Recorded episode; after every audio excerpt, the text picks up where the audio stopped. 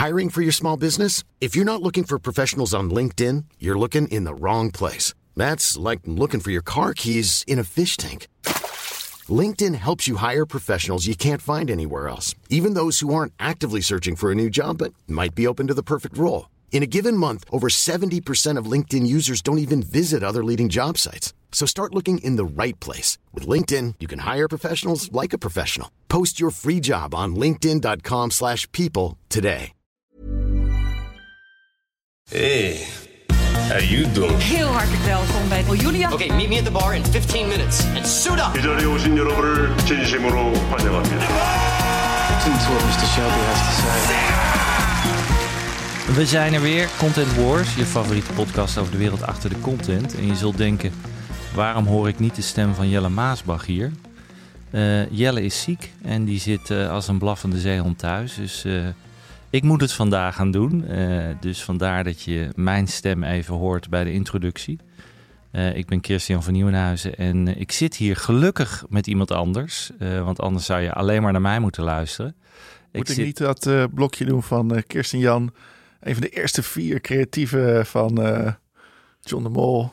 Voor de, voor, de, voor de vaste luisteraar herken je zijn stem misschien, Jeroen Koopman. Ik wil die gaan introduceren. Oh, hij, is de, hij is de man achter Heartbreak High. Hij is de man achter Misfit. En de grote man achter Newbie. Ehm, Jeroen Koopman zit bij mij. Eh, welkom Jeroen, gelukkig dat je bij me wil zitten. Ja, dankjewel. Je appte me vanochtend, eh, Jelle is ziek. Toen dacht ik, de podcast gaat niet door. Maar of ik dan nu de co-host wilde zijn? Ja, en je bent altijd zo aardig om dan meteen in te stappen. Maar eh, we wilden het ook door laten gaan, omdat deze aflevering helemaal gaat over de MIP. En Ja. de MIP is eh, eigenlijk vandaag nog steeds bezig. Het is de laatste dag, hè, donderdag. En ehm, eh, jij was daar de hele week. Ja. Dus daar gaan we het zo eventjes over hebben. Ehm, we gaan zo ook natuurlijk naar Lisette. Die zit daar nog. Die zit Oh. nog in, in Cannes, in de zon, vermoed ik. Ik heb nog een vraagje voor Lisette straks dan, om iets nog even mee te nemen. Oh, heerlijk. nou ja, van, van Lisette eh, gaan we natuurlijk horen wat was hot. Maar heel even terug naar jou. Jij was daar eh, van wanneer tot wanneer, eh, hoeveel dagen ben je er geweest? Ja, ik was er vrijdag al, tot gisteravond. Oh, dus dat is best Ja, lang. ja. En ik weet, volgens mij twaalf jaar geleden ben je ooit begonnen daar in een, in een heel schattig bootje. in het haventje van Cannes. Daar sliep jij ook.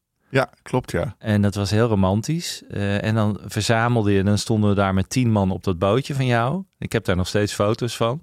Was dat twaalf jaar geleden overigens? Ja, dat zou wel kunnen kloppen, ja. Zoiets, hè? 2011, zoiets. Ja. En inmiddels zit je in een villa. Dus zo snel kan het gaan, hè? Nee, nee, nee, nee. de- deze keer zeker niet. Ik was eh, in mijn eentje en het voelde eigenlijk weer heel erg als twaalf jaar geleden. Eh, op, heel veel, eh, op heel veel niveaus. En ehm, dat was ook wel louterend. Om toch weer eventjes terug naar, eh, terug naar af te gaan, zullen we maar zeggen. Nou, ze voelden het. We- Ik, ik ben natuurlijk ooit inderdaad in mijn eentje begonnen. En dan ging ik naar de MIP. En dat vond ik super spannend. Eh, nieuwe mensen leren kennen. eh, een beetje de wereld ontdekken hoe het dan in de tv-business werkt. En, ehm, maar de, de MIP in april is echt heel erg tanende in populariteit. Dus er komen steeds minder partijen. Ehm, en wij, zouden, gingen altijd inmiddels met een hele club. En we gaven altijd een feestje in Cannes. Ehm, dus dat was een heel event geworden voor, voor ons om naar de MIP te gaan inmiddels. Maar ja, afgelopen tijd merkte ik, er gaat bijna niemand meer naartoe van onze klanten, maar een heel klein gedeelte. Ehm, sterker nog, van de streamers was er niemand. Dus toen dacht ik, ja, om dan voor ons met een heel clubje erheen te gaan, terwijl er dan van je klant misschien één iemand is, dat, dat doesn't make sense. Dus toen dacht ik, nou, dan ga ik in ieder geval zelf. Eh, en dan, eh, maar dat voelde dus ook wel echt wel als een soort eh, tien jaar terug in de tijd. En ik merkte, ik voelde me daar ook wel een beetje, zeg maar, zwakjes. Omdat Ja, je helemaal alleen was. Ja, omdat je op, zo gewend bent geraakt aan, je, aan daar met je team zijn en dan samen overleggen. En jij doet dit en ik doe dat. En etentjes en zeg maar gewoon ook het gevoel van je team. En als je dan, dan toch ineens in je eentje rondloopt, eh, dat was heel herkenbaar. Maar dan wel ook uit de tijd dat ik nog maar net begonnen was. En eh, daar kwam dan bij dat er best veel mensen van overigens de NPO waren, wat, wat heel leuk was. En dat is voor ons sinds, ik zou zeggen, anderhalf jaar eh, heel erg een, eh, eigenlijk een nieuwe klant. Omdat wij komen natuurlijk heel erg uit de streamerhoek. En wij hadden heel erg de ambitie vanuit zowel het team intern als qua waar we bepaalde doelgroepen heen zien bewegen om meer voor de NPO te doen. Maar daarin is voor ons ook nog heel erg mensen leren kennen. Uh, Dus voor het eerst met mensen zitten. En dus ook op dat niveau was het ineens tien jaar terug in de tijd. Ja, dat je je moet voorstellen dat je je presentatie laat zien. Wie is Newbie eigenlijk? Of wat, wat, wat doen wij eigenlijk?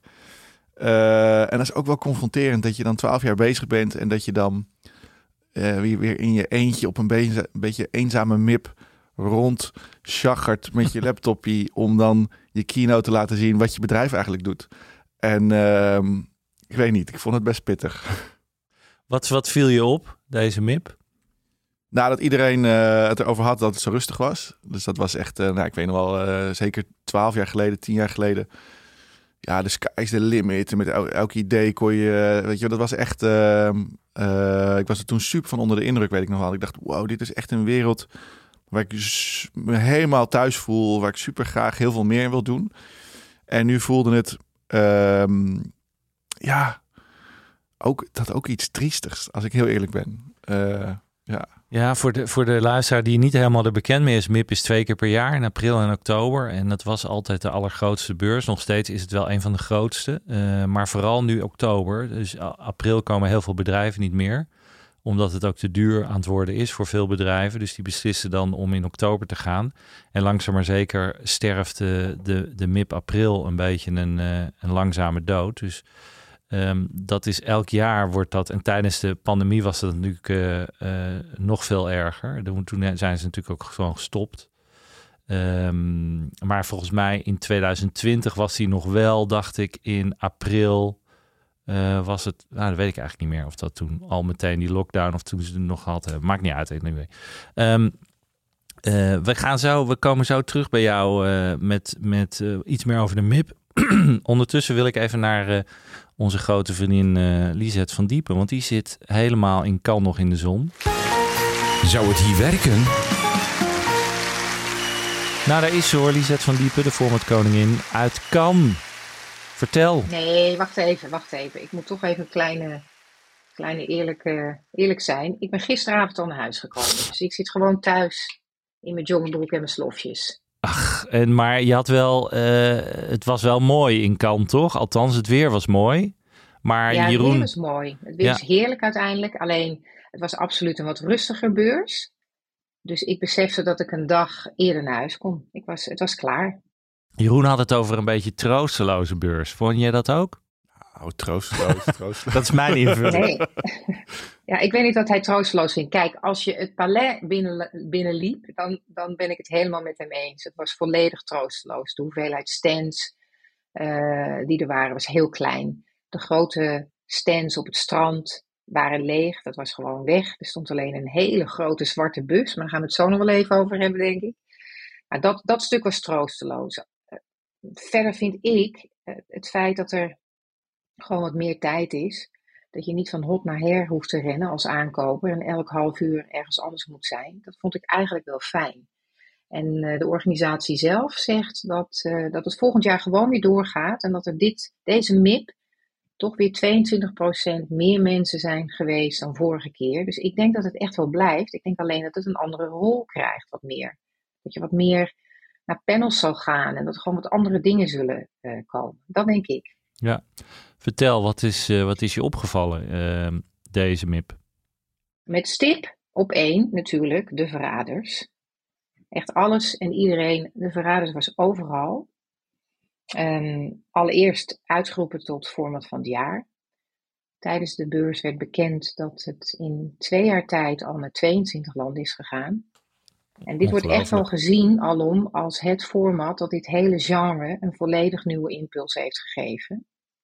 Tijdens de presentatie van de WIT was er gewoon een heel thema dat heette Traders and Friends. En zij presenteerde een heel aantal titels um, die na de verraders zijn gekomen. Waarvan zij zegt dat het in dat genre uh, zit. Dus dat vond ik heel leuk ja, voor mij, weet je, ik, ik werk daar natuurlijk nu hè, bij All3 en IDTV en ik heb helemaal niets te maken met het format. En toch was het ontzettend leuk, want als aankoper kom je dan ergens binnen, ze beginnen er direct over. Ja, dat is gewoon heel leuk. Dus de verrader stond voor mij absoluut op één. Um, wat was een ander uh, format waar veel over gepraat werd, naast de verraders? Gaan, België in het algemeen stond heel even baby, Belgian Boom. Baby Boom. Belgian Boom, was ja. absoluut. En dan, dan beginnen we natuurlijk met bestemming X. Destination X. Het format waar we het al over gehad hebben in de podcast. Hè. Dat format van VTM, waarin kandidaten in een bus zitten, een geblindeerde bus. Ze maken een eh, lange reis door Europa en zij moeten raden waar ze zijn. En zij worden gemanipuleerd, want eh, de kandidaten moeten eh, misleid worden.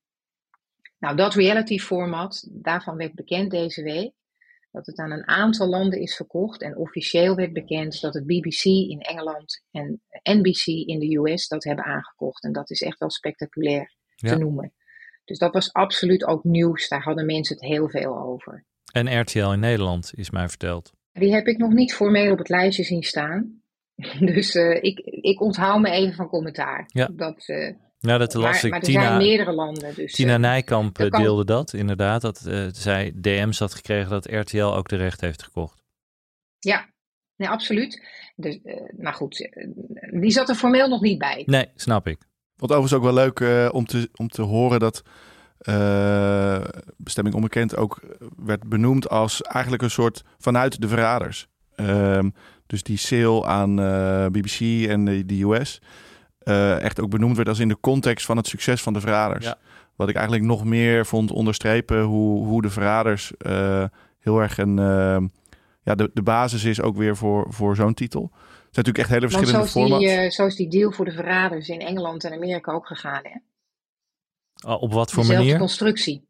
De BBC en de NBC hebben een eh, creatieve samenwerking. Dus dat, Ah. dat, dat, zo is het gegaan met de verraders Oké, eh, qua aankoop. En zo is het nu ook gegaan met dit format. leuk. Leuk dat dat eh, Ja, geweldig Nederland leuk. en België geweldig leuk. en zo wat Jeroen eh, zegt ook, weet is. je. Het, Ja. Ja, in die zin was ook wel-. Er, er waren heel weinig partijen. eh, maar ik vond wel dat als je dan zag, en dat komt natuurlijk ook een beetje door je eigen bubbel, maar dat er vanuit Nederland en België wel echt eh, veel succes en aanwezigheid was. Proud to be Dutch, man. Ja. Echt hartstikke leuk. En, en inderdaad, België, eh, klein territorium, maar wederom gewoon genoemd als super creatief. Want naast deze hadden we natuurlijk ook eh, Stranded on Honeymoon Island. Ja, Het is officieel een Deens eh, productiehuis, heeft dat ontwikkeld. Is toen naar VTM 2 gegaan. Of VTM gegaan. Het is verkocht, eh, aangekocht voor VTM 2. Nou, daar is het gelanceerd.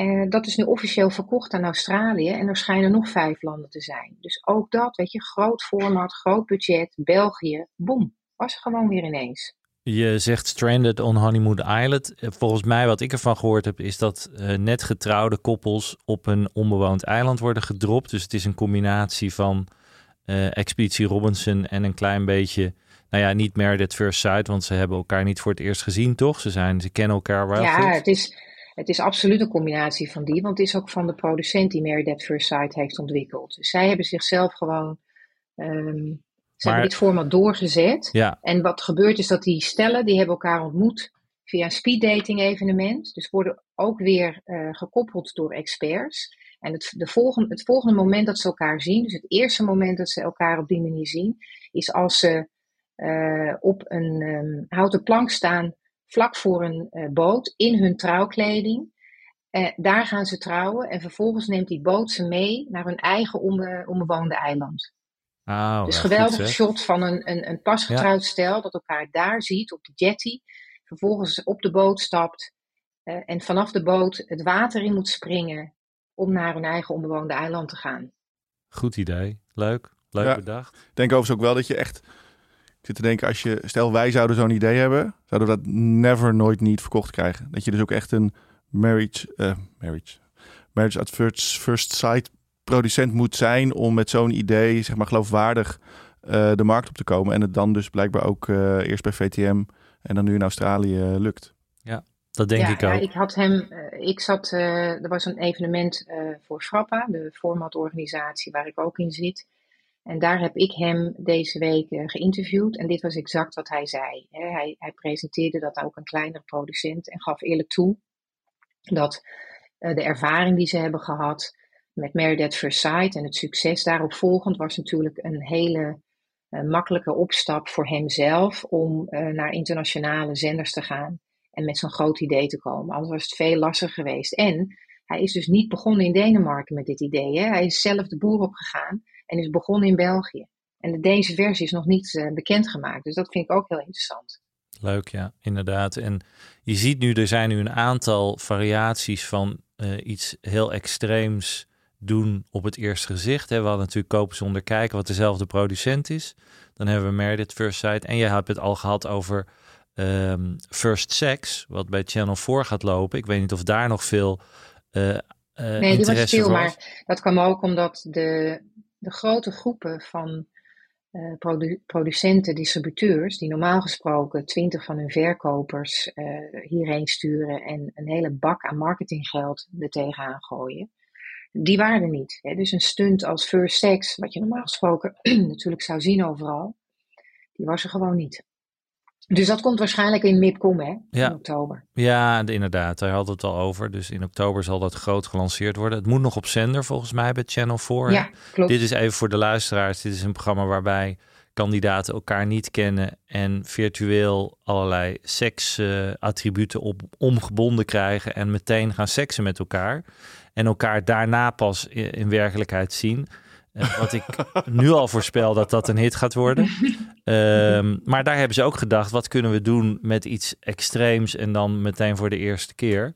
Uh, en dit is dus de vierde eigenlijk, kan je zeggen. Van we gaan trouwen op een onbewoond eiland, gedropt worden enzovoort. Met alle stress. Hartstikke leuk. Um, wat is je opgevallen wat echt heel erg weird was uh, qua format? Want dat is ook, er komen altijd wel. Vorig jaar had jij ook een paar voorbeelden uh, van iets waarvan jij zegt van nou, dat was echt wel heel raar. Ja, nou, ik heb er één hoor. um, For the Love of Dilfs. Uh, komt uit Canada. For the Love of Dilfs. Ja, nou, ik, ik en, en, hè, omdat ik weet, ik ben natuurlijk een, een heel braaf meisje uit het gooi. Dus ik weet wel wat wat een milf is. Dus ik weet ongeveer ook wat een dilf is. Um, een gilf is het met een, G of met een, een D? Nee, de D. Een oh, de D. Oké, okay, want je hebt ook nog daddy. een gilf, hè? Je hebt ook nog met een G. Nee, de D voor ja, daddy. de D van daddy. Ja. Ja, maar het is wel een soort hyper-gay Love Island in één zin. En um, dit, dit wordt gepresenteerd in uh, Canada door Stormy Daniels. Nou, dat, die naam zegt jullie natuurlijk wel, wel weer wat. Zeker, Trump. Um, en precies. Um, dit is een format waarin twee groepen van gay heren, nou, de, de deels aan de ene kant en de himbo's aan de andere kant. En nu ga ik naar jullie. Weten jullie wat een himbo is? Um, ja, dat is een uh, mannelijke bimbo. Precies. Oh, wat goed. Wist ik ook niet. Ja, nee, in één keer. Toevallig in één keer. En, en de Dilfs is de nou, daddy uit Like the Fuck, toch? Juist. Ja. Hè, ik wilde die zin niet zeggen zo vroeg. Nee, maar daarom zeg ik het gewoon. Ja, maar dat kan jij in Amsterdam. Nou, in ieder geval, de Deels en de Himbo's komen samen met Stormy en gaan formeel op zoek naar de liefde. Dat trailertje, daarvan dacht ik wel van ja, weet je, dit hoeft geen format te zijn wat gaat uh, reizen, wat mij betreft. Ja. En natuurlijk waren er ook weer dingetjes uit uh, Korea waar uh, interesse voor is, of waar in ieder geval mensen naar kijken. Weet je nog dat de vorige beurs, toen zat ik nog wel in, in Cannes zelf, en toen had ik het over dat format waarbij, ik geloof, tien mensen in een huis zitten voor een periode van een week, en die hebben dan elke dag een weegmoment, en ze moeten exact hetzelfde gewicht blijven. Ja. En elke 100 gram die ze afwijken kost, weet ik veel, 100 dollar, whatever. Nou, dat format is geopteerd in Nederland, kreeg ik deze week te horen. Nee. Dus dat wordt gewoon, Dat is toch als echt het dan niet niet meer van gebeurd deze is, tijd. vandaag of morgen gepitcht. Die was er weer. Ongelooflijk. Ik, En ik, eh, ja, ik, ik, heb schat zelf ook een SBS. formatje gekocht uit, eh, uit, uit Korea. Oké, en wat was dat? Dat heet eh, Keep Talking and I Like It. Dat, is, dat loopt op NBC, eh, de Koreaanse zender. En dat wordt gepresenteerd als een eh tong-sportscompetitie rondom de kracht van het verhaal. Dus het klinkt heel goed, hè, dit. Maar dat is dus echt een verhaalwedstrijd waarin ehm, acht kandidaten in een soort grote MMA-achtige vechtring tegen elkaar strijden. En het opnemen in een verhaalvertelwedstrijd. En zij staan dan op het podium en moeten in een minuut of vijf een boeiend, interessant, spannend, sexy verhaal gaan vertellen aan een publiek van 100 man. En op een cruciaal moment is daar een iconische rode knop. En op een cruciaal moment bepalen ze zelf wanneer ze op die knop drukken en het verhaal stopt. En dan is het de, de, de keus van het publiek om te bepalen welk verhaal ze per se door willen horen. En wie dus de winnaar wordt van dit, eh, deze wedstrijd. Oh ja, een leuk. origineel. Ja, nou, we hebben jou altijd eh, als rubriek zou het hier eh, werken. En je hebt nu heel veel formats verteld. Maar ik wil deze toch eventjes eh, als zou het hier werken bespreken. Want ik vind dit dus een heel leuk idee. En eh, ik ben al lang fan van Waar Gebeurt, hè, podcast. Wat in Toemeler al lang wordt opgenomen. Wat dit een beetje is. Er zijn natuurlijk meerdere van, vooral dit soort podcasts.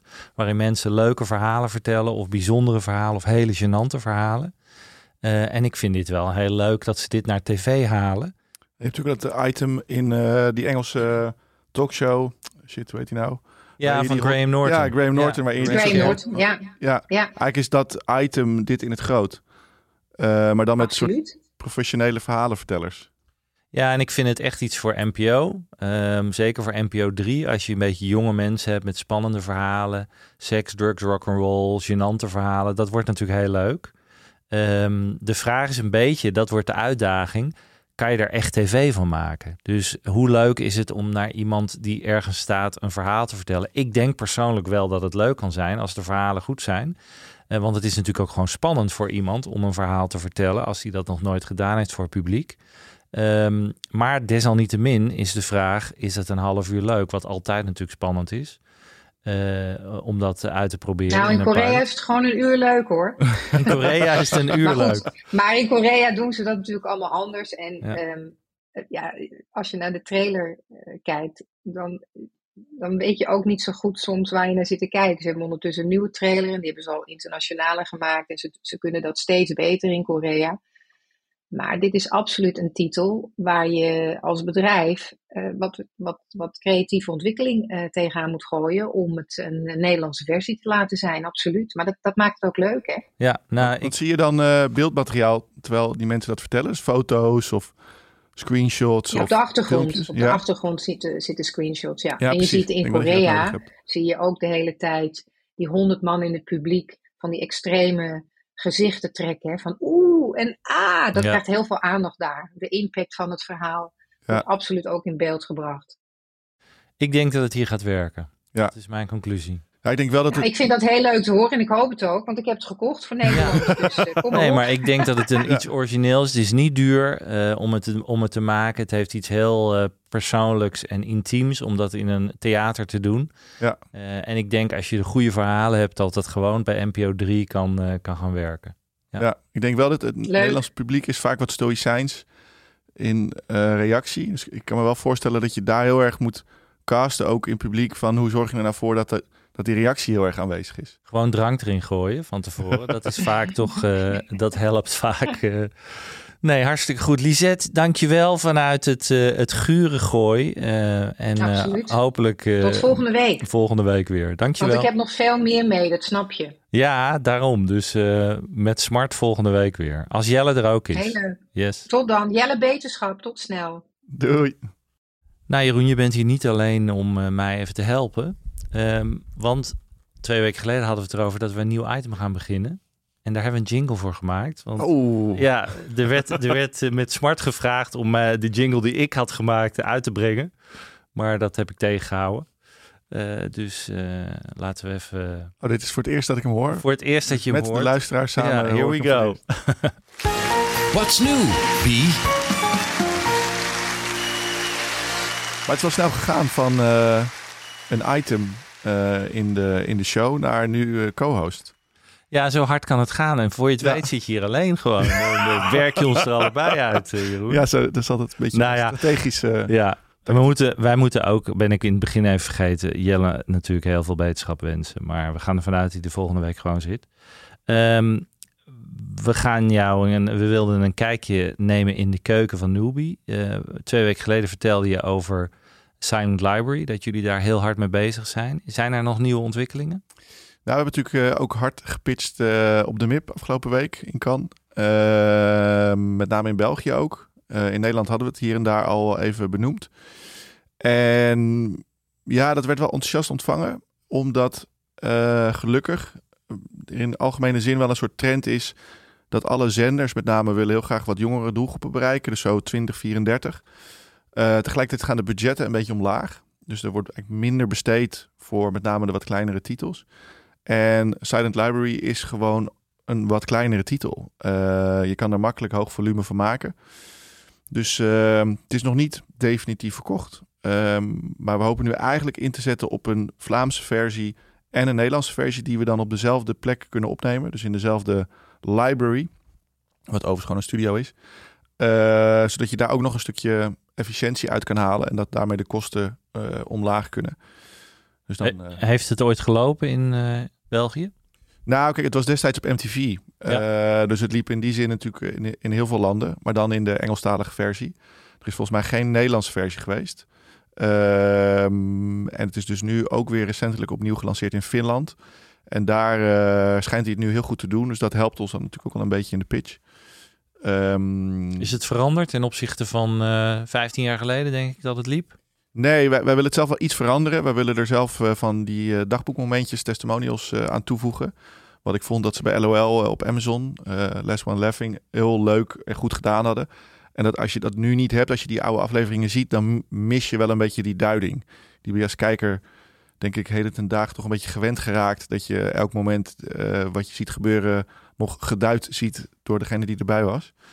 Um, en daardoor hoef je ook weer wat minder, um, zeg maar, uh, gekke elementen in de aflevering zelf te hebben. Omdat je wat meer lengte maakt. Uit. Ja, snap ja. ik. Ja.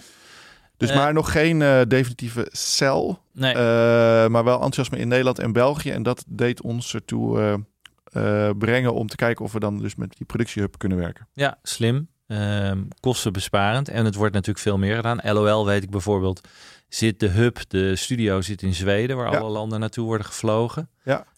Um, en als je dat kan delen, dat gebeurt natuurlijk veel. Um, een ander ding, uh, als we Silent Library even uh, apart zetten. Um, je wilde het over nog een ander onderwerp hebben waar jullie heel druk mee bezig zijn op dit moment. Ja, ik dacht, het, en ik moet eerlijk zeggen hoor, met deze podcast. Want ik had natuurlijk vorige week een vriend van mij die, uh, die belde me zegt, ja leuk die podcast. Maar jullie hadden het wel heel veel over de aankondiging van de ups en downs die je dan ging delen. Maar ik hoorde nog maar weinig ups en downs. En um, dat is ook best lastig. Ik merk ja. wel dat ik ook hier naartoe reed en dacht, oh ja, ja, dit zou ik willen vertellen. Maar shit, ja, oké, okay, ja. Uh, hoe publiek kan je zijn natuurlijk over, je, over alles wat er speelt. Um, en toen dacht ik, nou goed, wat ik in ieder geval voor, waar wij echt uh, druk mee ben, ik denk, laat ik daar iedereen dan open in meenemen. Is er is een grote pitch uitgezet door NPO 3 uh, op het slot van uh, First Dates. En uh, daar doen wij aan mee. en ik denk dat elke producent in Nederland daaraan meedoet. Um, 19 mei is de deadline. En uh, dat is best spannend, want het is natuurlijk het is een, uh, een daily, ja. uh, dus de, met veel afleveringen. En ze, richten zich, ze willen zich primair richten op de doelgroep 2034. En um, ik hoop niet dat ik hier nu publicitair het, allerlei dingen gras voor de voeten wegmaai. Maar goed, desalniettemin. Um, en ja, wij zijn natuurlijk als, als producent gefocust precies op die doelgroep. Dus ik vind het aan onze stand verplicht om daar aan mee te doen. Uh, tegelijkertijd hebben we, uh, doen we maar weinig lineaire televisie. Um, we hebben dus vanmiddag een grote brainstorm daarover en hebben we uh, Tina Nijkamp ingevlogen. Kijk. Ja, omdat ik dacht, uh, bedoel, ik volg haar natuurlijk op Instagram en ik vind altijd dat zij natuurlijk uh, super kritisch is, maar ook vooral heel scherp. Um, en ook niet schroomt om te, te zeggen van tevoren, dit gaat niet werken. En eigenlijk zonder uitzondering zie ik elke keer dat het dan ook niet werkt. En het leek ons heel relevant om zeg maar haar lineaire ervaring en scherpe visie daarop te combineren met onze dan zeg maar 2034 doelgroep expertise. Die we in ieder geval pretenderen te hebben. Um, en te kijken hoe, hoe, hoe, we elkaar dan kunnen vinden. En dan tot een pitch te komen die we dan als, uh, ja, die we natuurlijk naar de NPO uh, kunnen sturen. En jij denkt, want uh, Tina is, is volgens mij rond de 50. Ik hoop niet dat ik er beledig, maar dat dacht ik. Um, dat is niet exact de doelgroep, inderdaad. Jij, jij hebt heel veel jonge mensen werken in jouw bedrijf. Dus je zou denken, kunnen die daar niet be beter over oordelen? Maar toch vind je het prettig om Tina dan erbij te hebben vanwege haar expertise, begrijp ik? Ja, zeker. Kijk, ons hele bedrijf is de doelgroep. Dus ik Ja. denk niet dat we ons zorgen hoeven te maken of dat niet genoeg gerepresenteerd is dan in zo'n brainstorm. Ehm, maar ik denk wel dat het gewoon heel veel kennis en ervaring vergt om na te denken over wat werkt op een slot, wat werkt in de tijdsgeest, wat is, hoe ziet het landschap eruit. Ehm, en dan moet ik eerlijk zijn dat wij, ehm, denk ik, dat goed kunnen beoordelen als het gaat om wat gaat er in de top 10 op Netflix komen, maar minder goed zijn in, of geval laat ik zeggen minder ervaren in een lineaire kijkbeweging. Ehm, en eh, ik volg eh, Tina met, eh, met, met heel veel enthousiasme altijd. Maar ook dat ik denk, wauw, ze heeft het wel vaak bij het rechte eind. Ehm, en het leek ons dan relevant om die ervaring juist te combineren met, met, onze, nou ja, met ons team. En, maar goed, laten we afwachten. Misschien gaan we vanmiddag met ruzie de brainstorm uit. Nee, ik vind het namelijk... Maar dat denk ik niet. Ik stel deze vraag, een kritische vraag, maar ik ben het overigens helemaal met je eens. Want ik denk het heel goed is om af en toe als productiehuis een ervaren buitenstaander erbij te halen. En zeker mensen met ervaring, omdat die vaak een hele frisse kijk hebben op waar jij al heel lang mee bezig bent. Ja, En maar soms, die diversiteit zit hem in de breedte. hè. Dat is ook, eh, ik denk dat bijvoorbeeld ook een groot risico zit als producent om te veel in je eigen Amsterdamse eh, bubbel te gaan zitten. Ja. Ehm, en ehm, dat, eh, dat je ook daar moet kijken van hoe zorg je dat, dat, je, dat je heel Nederland bereikt. Eh, en ben je nu nog in de fase dat je heel breed gaat eh, brainstormen? Dat je gaat zeggen, we gaan even kijken, alles kan op dat slot? Ja, alles kan, alles mag. En er is best een strakke briefing, moet ik zeggen. Die is wel duidelijk. Dus dat, dat helpt. Ik denk, ik, hoe, hoe, hoe strakker je briefing, hoe, hoe beter je creativiteit. Omdat je dan ook gewoon kaders krijgt. Maar goed, tegelijkertijd bood het ook wel ruimte om zo, zowel in genre als in eh, aanpak eh, heel breed te gaan. En, ehm, en eh, dus we gaan nu echt nog breed, breed nadenken, ja. En met hoeveel mensen zit je dan op zo'n brain, zo'n eerste brainstorm? Dus bij ons vanmiddag zit ik dan met Tarik, Cosmo en Tina en ikzelf dus. Met z'n vieren, ja. Ja, en ehm, ik denk normaal hadden wij daar bijvoorbeeld uh, Maurits en Laura ook uh, op, ehm, op. Ja, goed, ik noem, noem ze nu alsof iedereen uh, ze kent. Ja. Ehm, Allemaal creatieve ja, directeurs, van als creatief de di Ja. directeuren, zou ik maar zeggen. Ja. Weet je, die, eh, dat niveau. ja, nu zijn eh, Laura en eh, Maurits met zwangerschapsverlof, dus Ja. daar moeten we het nu nog heel even zonder doen. Maar ik denk dat we met Tarek en Cosmo eh, echt een heel, eh, een, eh, heel breed, divers, creatief team hebben. En dan aangevuld met, eh, met Tina. Heb jij het gevoel bij zo'n brainstorm dat je een eh, aantal mensen moet hebben, bijvoorbeeld zes, acht of juist minder? Is je daar een soort tactiek Nee, ik denk dat zes of acht echt te veel is. Ja. En ehm, ik denk dat iedereen zich geroepen moet voelen om eh, dingen te kunnen roepen. Dus dat je zelfverzekerd aan tafel moet kun- kunnen zitten. Ehm, en dat je ook vrij moet kunnen voelen om alles te zeggen. En ik, ik, dat vergt ook een bepaalde veiligheid eh, die er nodig is. Dus dat je, eh, ik denk, zodra je in een brainstorm onveilig voelt om dingen van, oeh, wat zou hij of zij daarvan vinden? Dat dat, dat heel eh, risicovol is voor, voor de uitkomst. Ehm, en wij zijn dus altijd wel ook heel zorgvuldig in de samenstelling van het creatieve team. En ehm, het gebeurt maar weinig dat iemand in één klap bij ons in het creatieve team komt. Die komt er altijd, werkt al wat langer bij Newbie, heeft verschillende producties gedaan. We kennen elkaar goed en dan, ehm, eh, en dan werkt het. Maar ik denk dat vier, zoals vanmiddag, best een, eh, een, eh, een goede samenstelling is. Ja, ik, dat ben ik met je eens. Ik heb bij brainstorms gezeten waar heel veel mensen zaten. Dat vind ik nooit werken eigenlijk. Want iedereen Nee. wil toch wat zeggen en dat zijn veel te veel meningen. Ja, bovendien krijg je natuurlijk toch degene die dan zeg maar, het meest overwicht heeft in die setting.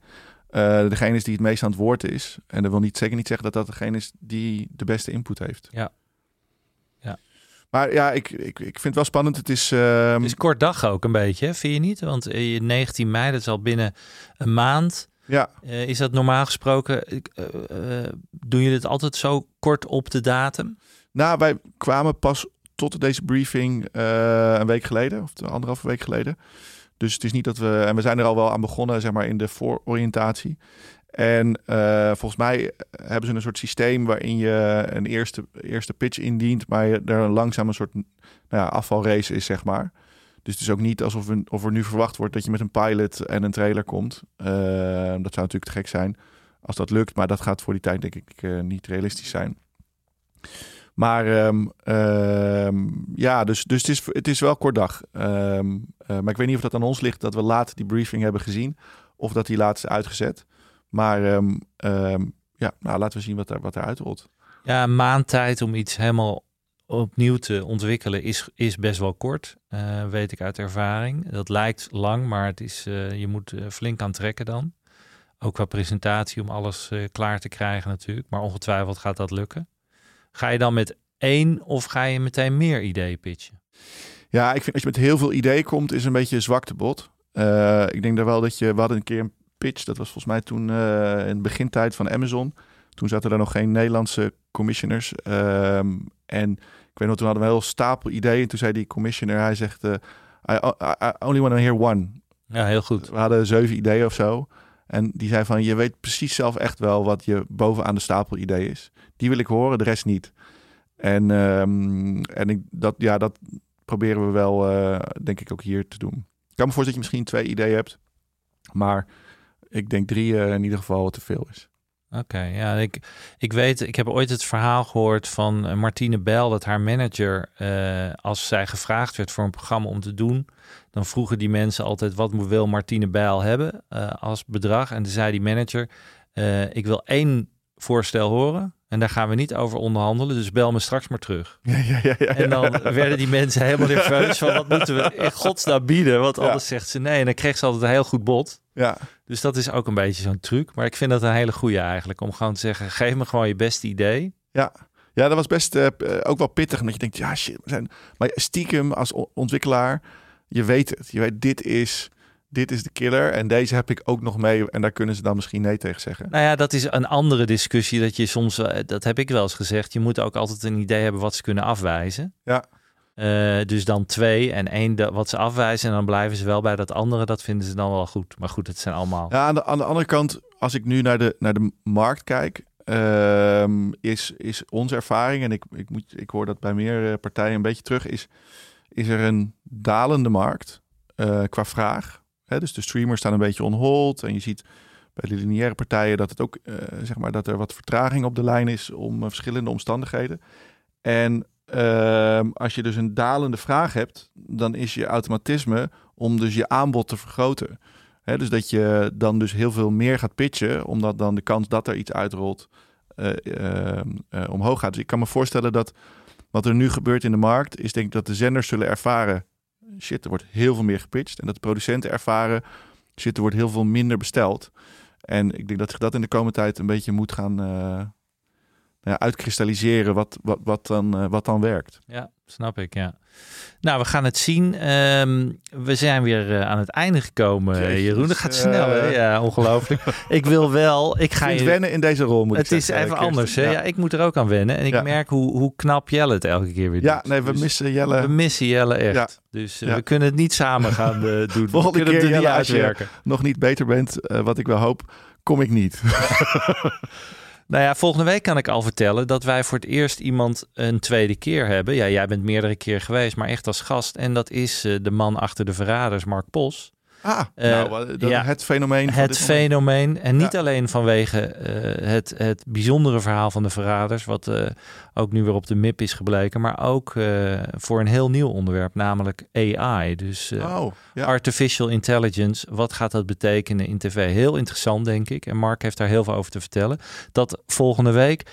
Nog even een tip. Als jij degene hebt, begin ik even met mijne. Ehm, ik heb toch probeer toch weer een beetje wat ehm, formats te tippen in plaats van alleen maar series. Oh ja. Eh, en ik heb echt wel een leuk format gezien. Eh, niet het eerste seizoen op eh, NPO 3. eh, en dat is steken en prikken op vakantie. Eh, en dat is met, vind ik, een groot talent, Jurre Geluk. Oh ja. een, een nieuwe presentator, of niet heel nieuw, maar relatief nieuw op NPO 3. En voor veel mensen bekend Emma Wortelboer, waar die veel haters heeft, maar ook lovers. Het leuke van het programma is dat ze eigenlijk eh, zich laten prikken of steken door dieren die je op vakantie tegenkomt. Oh, Eh, en dat, daardoor is het ook misschien wel hè, maatschappelijk wat verantwoorder, zullen we maar zeggen. Want mensen gaan binnenkort op vakantie en ook zomervakantie. Daar word je gestoken en geprikt door allerlei buitenlandse dieren, zullen we maar zeggen.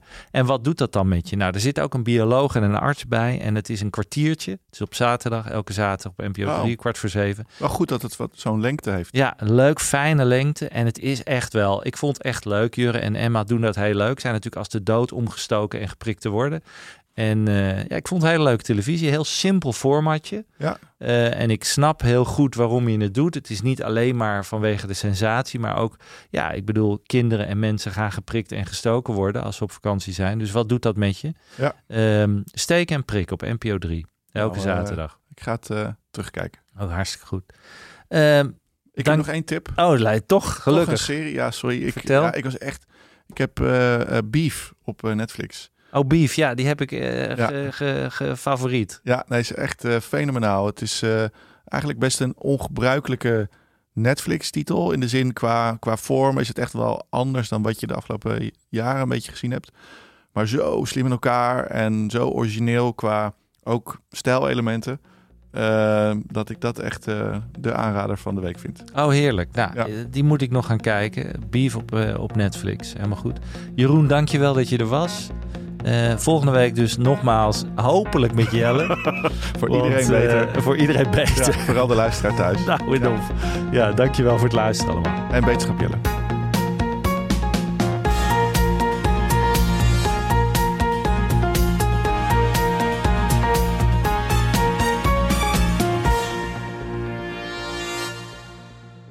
Ben jij content met deze content? Vergeet je dan niet te abonneren op Content Wars.